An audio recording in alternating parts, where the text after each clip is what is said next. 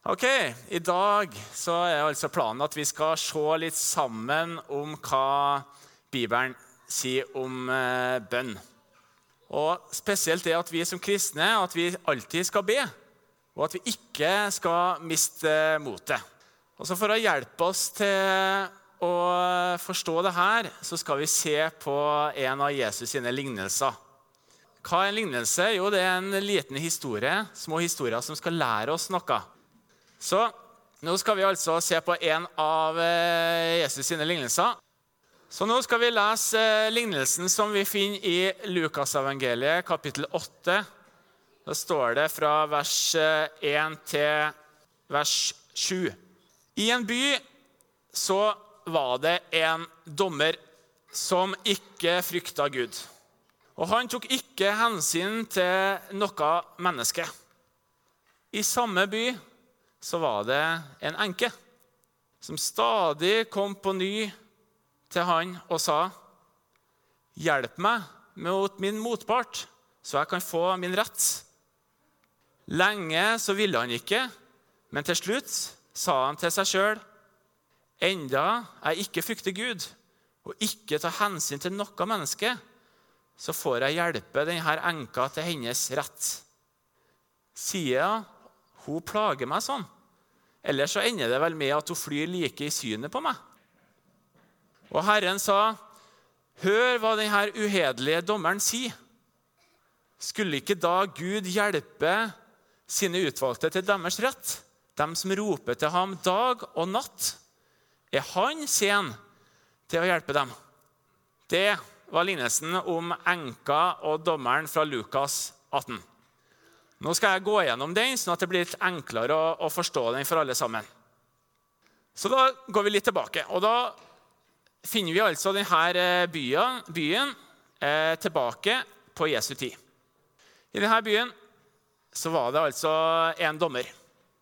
Ikke en eh, snill dommer, ikke en morsom dommer, men en urettferdig dommer som ikke fulgte Gud. Og det var sånn På Jesu tid, når noen var uenige med hverandre, så kunne de gå til en dommer, slik at dommeren kunne bestemme hvem som hadde rett. I Bibelen så står det at en person som skulle ha denne jobben som dommer, han måtte ikke være urettferdig, men han måtte være rettferdig. I tillegg til det så måtte han tro på Gud og tro det at Gud er dommeren over alle dommere. Dommeren som vi treffer i Jesus sin historie, han er ikke slik. Han er ikke en god dommer. Faktisk så burde han ikke vært dommer i det hele tatt. Ok, I denne samme byen da, så møter vi også en enke. Og Ei enke det er ei dame som har vært gift med en mann men mannen er nå død. Og de her damene de var i en veldig vanskelig situasjon. Og I Bibelen så leser vi det at enkene de skulle få ekstra god hjelp av dommerne. Så sjøl om enka fikk, eh, gikk til dommeren og ba om at det hun hadde rett på, så ville ikke den dårlige dommeren gi henne noe hjelp. Men enka ga seg ikke. Hun kom igjen og igjen og igjen. Tilbake til dommeren for at han skulle hjelpe henne. Og hun var skikkelig sint, og det hadde hun helt rett i. For hun fikk ikke det hun skulle ha, og dommeren gjorde ikke jobben sin. Men til slutt så ga dommeren opp.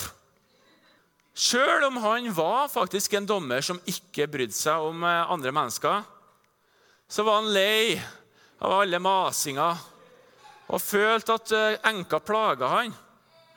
Han var til og med redd for at uh, hun skulle angripe han. Du kan tenke deg at enka hun var sint. Det hadde hun all rett til å være. Dermed, til slutt, så fikk faktisk enka det som hun fortjente av dommeren. Fordi hun sto på og gikk tilbake og ba på nytt på nytt på nytt om å få det som hun hadde rett på. Nå skal vi se litt videre på hva er det, hva er det denne historien forteller oss?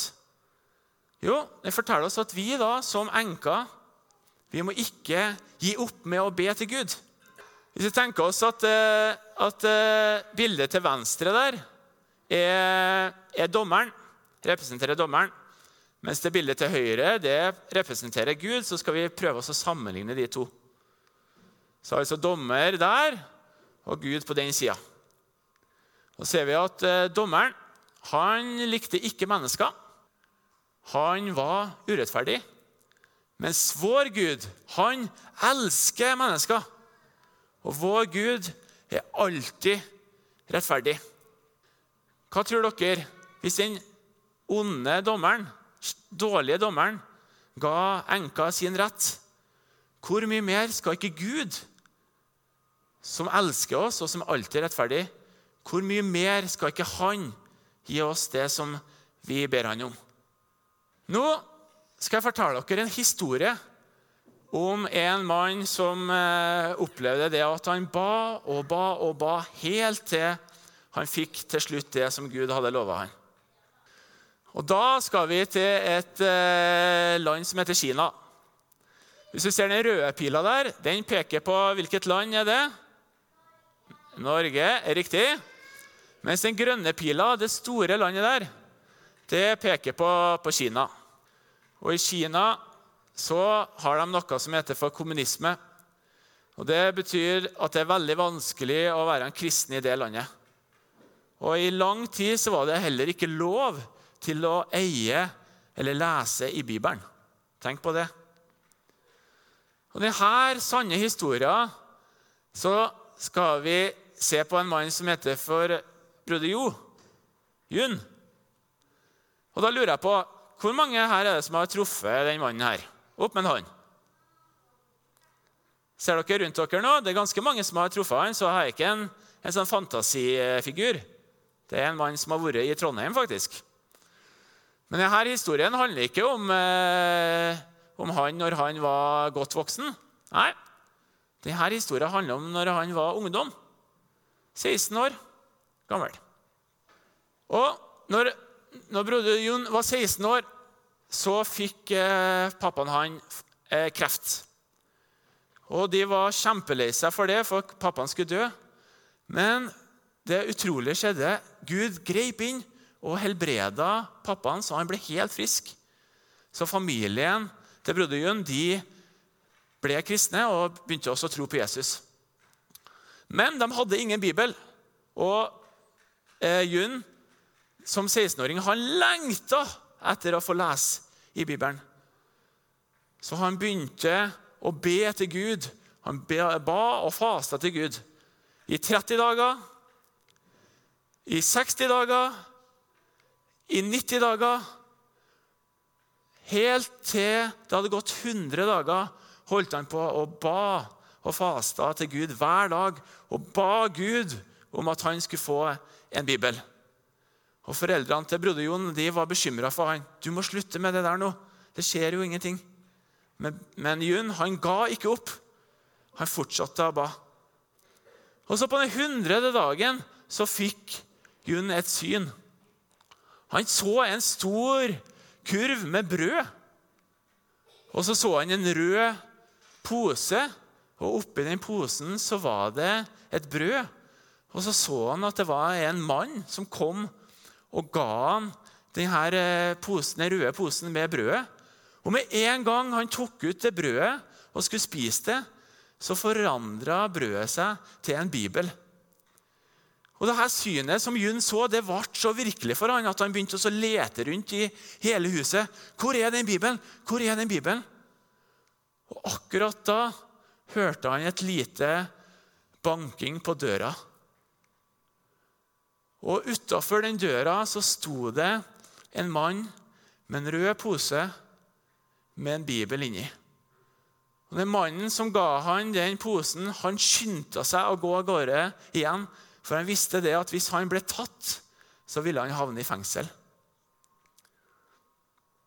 Og Det var to, to karer Det her fant Jun ut i ettertid. At det var to karer som ble sendt ut av en mann for å gi denne Bibelen. Og denne mannen han hadde 100 dager tidligere, den første dagen broder Jon begynte å be, hadde han hørt fra Gud at han skulle gå og gi fra seg Bibelen sin, som han hadde gravlagt langt ned i jorda fordi han var redd for å havne i fengsel. Han skulle grave opp den Bibelen fra bakken, og så skulle han gå til dette huset i denne landsbyen og gi Bibelen. Men han torde ikke. Det tok han 100 dager før han torde og gjorde det. Og da ga han Bibelen til de to mennene her, som da ga Bibelen videre til broder Jun. Alt det skjedde fordi at broder Jun ga ikke opp med å be, men han sto på og ba dag ut, dag inn for at Gud skulle gi han den retten. Og at han skulle gi, få en bibel fra noen som ikke kjente han i det hele tatt. Han ga ikke opp å be, og derfor fikk han sin rett. Så Helt til slutt så tar vi og ser tilbake på det bildet av den urettferdige, dårlige dommeren og Gud. Gud er en fantastisk god dommer som elsker mennesker. Han elsker oss. Han er alltid rettferdig. Han kan vi gå til, han kan vi mase på og be til hver eneste dag. Så skal Gud gi oss vår rett. For sånn som det står i det, i, i det skriftstedet som vi las i Lukas, så sa Jesus at denne lignelsen, denne fortellinga, den forteller dere fordi dere alltid skal be og ikke miste motet.